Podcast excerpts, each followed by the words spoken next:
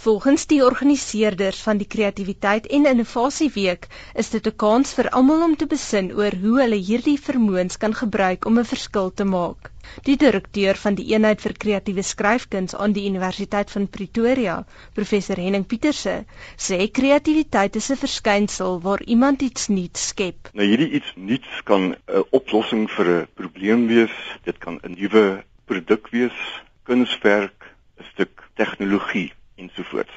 Daarteenoor is innovasie of vernuwing. Dit dui op die skep van beter of meer effektiewe produkte, dienste, tegnologieë of idees wat dan gebruik word in institusies, in markte, in regerings. Pieterse sê kreatiewe mense het 'n paar tipiese kenmerke. Dis mense wat die status quo bevraagteken, wat aannames bevraagteken, wat toekomsgerig is, wat nie bang is om foute te maak nie, altyd nuuskierig is, wat nie bang is om kansse te vat nie, wat ek nou in 'n goeie sin bedoel. Maar volgens Pieterse is elke mens eintlik kreatief. Soms moet ons na kinders kyk as ons dit weer in onsself wil vind. Kinders is almal kreatief. Hulle gebruik hulle verbeelding, hulle speel spontaan, hulle skep of dit nou met verf of klei of grond of klippies is. Sodra hulle in 'n dwangbuis van 'n sekere skoolstelsel kom, verdwyn daardie kreatiwiteit of dit word laer. Tog kom kreatiwiteit nie van self nie. Skrywers, kunstenaars en komponiste moet elke dag oefen om hulle vaardighede te verbeter. Jy leer deur 'n teks te skryf en sodra jy 'n kort verhaal, 'n drama, 'n uh, basis vir 'n roman is, dan kan jy begin kyk, waar werk hierdie teks, waar werk dit nie? Moet ek nie dalk die karakter bietjie meer uit die verf laat kom nie? Moet ek nie dalk liewer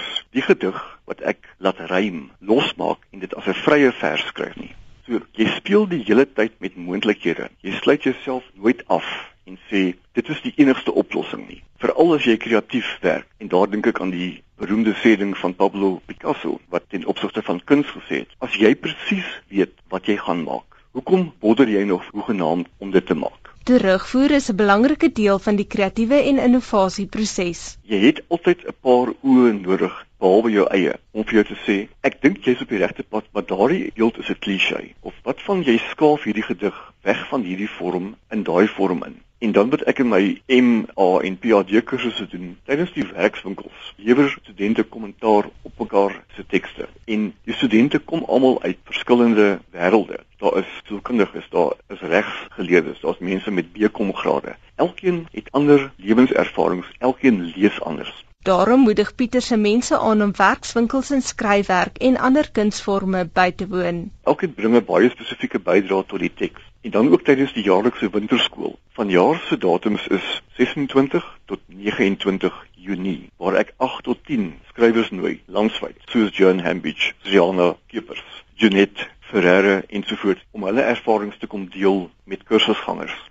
Daar is nie 'n kort pad met kreatiewe skryf nie. Jy doen daai klipharde werk. Dan kan 'n mentor vir jou terugvoer gee op jou teks. Daar is 10 beurse wat ek weer van 'n baie vriendelike borg gekry het vir skooliere of studente wat in Afrikaans skryf en of Afrikaans studeer. Dit was 'n professor aan kreatiewe skryfkuns by die Universiteit van Pretoria, Henning Pieterse. Ek is Anne Marie Jansen van Vuren in Johannesburg.